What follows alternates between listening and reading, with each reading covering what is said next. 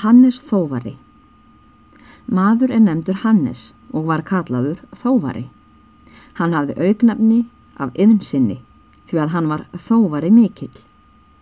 Fadir Hannesar var Þorkell Rjúpnabanni, Hannesson, hins Kvenholla, Eistenssonar, Magnússonar, Sálarháska, Jónssonar, Mandigða meins. En fadir Jóns var Hannes himnastígi. Hann var þrjár álnir danskar undir höku. Móðir Hannesar var Svanhildur góða, sýstir Jónsdóttir hins berhenda, Jónssonar, Littlegrands, Bótildar, sonar Helgadóttur, Gíslassonar, Pottbröðs Ásmundssonar. En fadir Ásmundar var Haldur Guðsbarnafadir. Hann lifi í 134 ár og hefur orðið elstur maður á landi hér, svo að sögur fari af. Hann á að hafa kvart 50 börn og 300 barnabörn á dánardægri og var þó sagt að fleira hefði mátt til tína ef öll kurl hefði komið til gravar. Til svo frægra forfeðra átti Hannes Þóvari kynsitt að rekja, er annar var tiltakanlega langur en hinn að samaskapi langlýfur, en það var Hannes engin ættleri. Hann var yfir sextugt að aldri þá er hér var komið sögunni, en erð var hann og kvikur vel og kendi sér einskis meins fyrir aldurs sökum, utan þess eins að honum var mjög tekin að förlast sín. Hannes átti í rauninni ekkert heimili, en taldi sig helst til heimilis að melgerði í ásasó, þar sem sýstir hans bjó ekja. Hann livði á þófi sínu og ferðaðist um einkum á vetrum og þæfði þá drúum fyrir bændurna í héræðinu. Ekki lagði hann aðra vinnu fyrir sig svo teljandi væri, en þófið. Enda átti hann fáa sína jafnóka í þeirri grein, því hann var sönn hamhleipa að því verki og játuðu allir að þar væri hann gildur tveggjamanna maki. Er það til merkis að einhverju sinni var vakið máls á því á hrepsfundi að menn leti Hannes hætta umferðum og setjast um kyrt því að þá var sín hans eigi svo hnignuð sem nú. En tillega þessi mætti megnum og almennum mótmælum á fundinum og hváðu bændur ófært sökum þófsins að Hannes settist um kyrt. Svo áþreifanlega hafði hann komið sér innundir hjá flestum repsbændum með íþróttsinni en ekki hafði hann síður þæft sig í mjókin hjá konum og húsfreyjum um repsins. Það er gerða honum bóð, þar lögðu drög fyrir hann, þar sendu í veg fyrir hann, þar keftu um hann sín á milli þegar þar áttu mikið óþæft og letu hann ljúka við það allt á fám dögum. Flestar launuðu þær honum síðar meir eða minna rausnarlega, í fötum eða peningum eða öðrum góðum eiri og var í mæli að Hannes væri orðin vel við efni, ætti einhverjum ógrinni af fötum og enda hvisuðu sumir að hann myndi luma á drjúum skildingum í horni kistu sinnar í melgerði. Vist varum það að enginn fekk að sjá ofan í þá kistu eða að vera viðstatur þegar Hannes lauk henni upp og let þangað eitthvað smávegis sem honum hafði bæst á þóferðum sínum smegði hann þá handlegnum, venjulega undir lokið og þuklaði niður með handraðanum. En ef hann heyrði þá fótatak í nánd, skellti hann óðar í lás og stakk liklinum í vasa sinn. Óhægt var að segja að Hannes þæfði megnið að því sem unnið var í þeim tveim sóknum, ása og mýrasókn, og þó fór hann árlega í aðrar sóknir til að þæfa. Hann þæfði aldrei undir fótum, lastaði það og kallaði óþarfa, en það sagði að fæturnir væri til annars skerðir.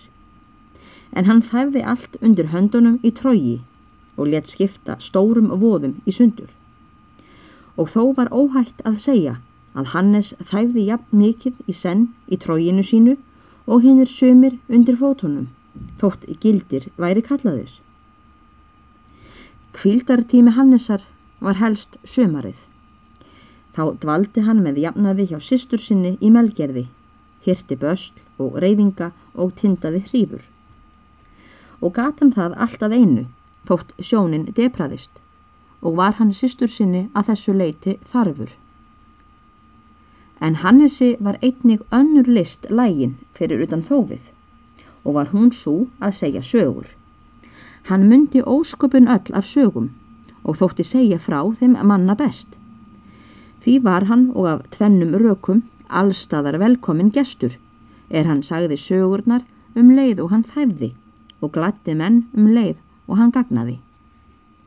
Hann sagði sögur sínar einkum á kvöldum, í rökkrinu eða á vökunni og aldrei komst Hannes í þrótt með sögur þótt hann segði kvöld eftir kvöld og dveldi hálfan mánuð á sama bænum og kom það oft fyrir í yllviðra tíð að Hannesi legaðist lengur en með þurfti sögum þófsins. Þó hafði hann á hverju kvöldi nóga af nýjum sögum og ekki spiltu þær fyrir honum þegar konurnar fóru að gjalda honum á verk hans því að þá sögðu þær einætt. Þetta skaltu nú hafa fyrir þófið og allar blessaðar sögurnar. Reyndar var í mæli að Hannes ykti nokkuð sögur sínar en aðrir mæltu því í móti. En hvað sem hæft var í þessu þá var það vist að sögurnar gengu honum út og fengu að heyra færri en vildu. Eitt þótti einkennilegt í fari Hannesar með öllum þeim hinnum miklu yfirbörðum er honum voru veittir og það var að menn þóttust taka eftir því, enda var orðið alkunnugt, að Hannesi var óljúft að segja sögur sínar ef ekki satt kvennmaður á rúminu hjá honum, á meðan hann þæfði og sagði frá.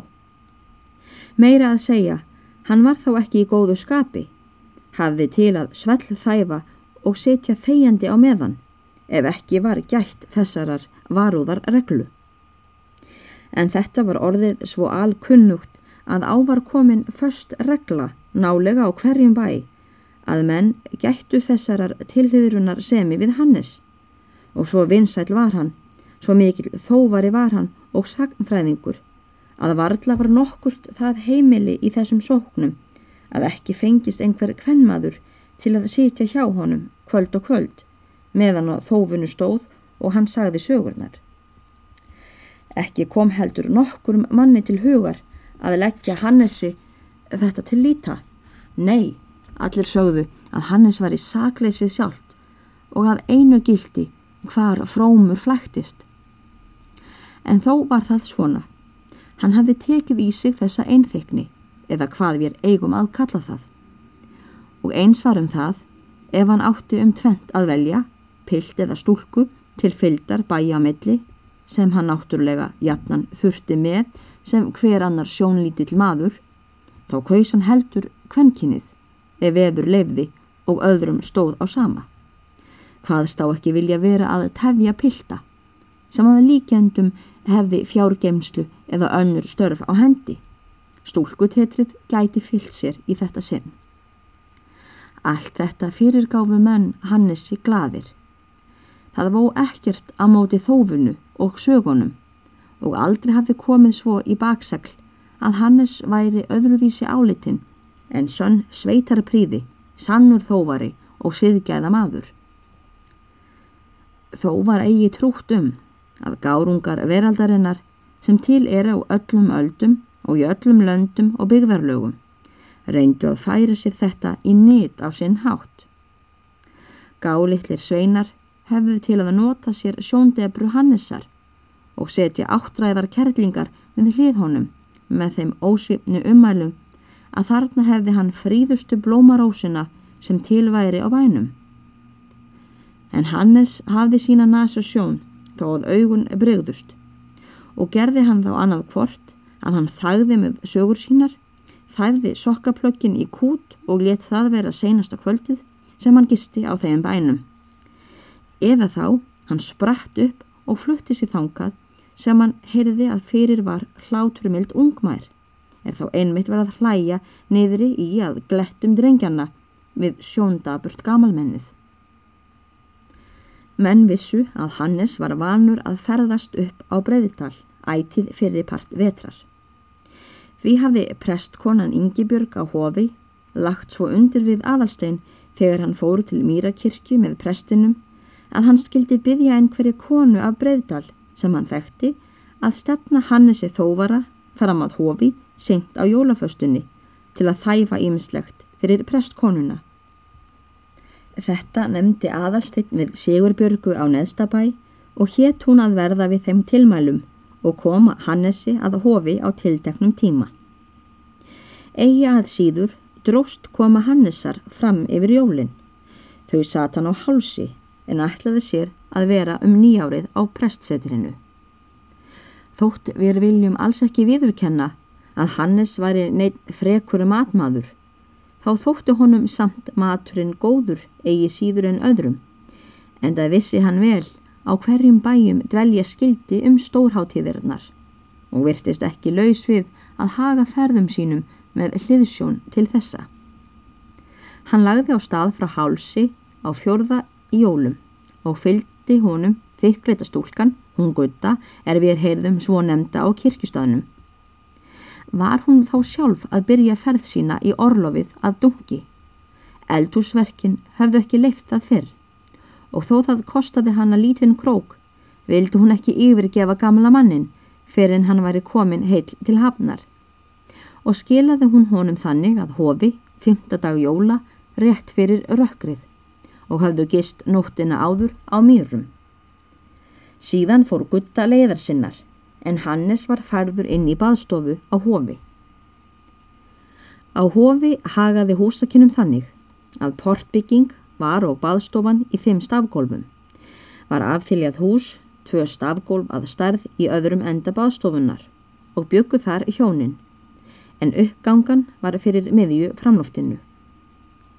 Vinnukonurnar á hofi voru fjórar alls þetta árið, Una, Solveig, Ingiríður og Björg og sátu þær við öllarvinnu frammi á loftinu þá er sást til ferða Hannesar hafði prestkonan komið fram á loftið til stúlkna sinna og sagt við þær brosandi. Ekki fáið þið núna eina söguna hjá honum Hannesi í kvöldstúlkur, nema einhver ykkar vil ég sitja hjá honum.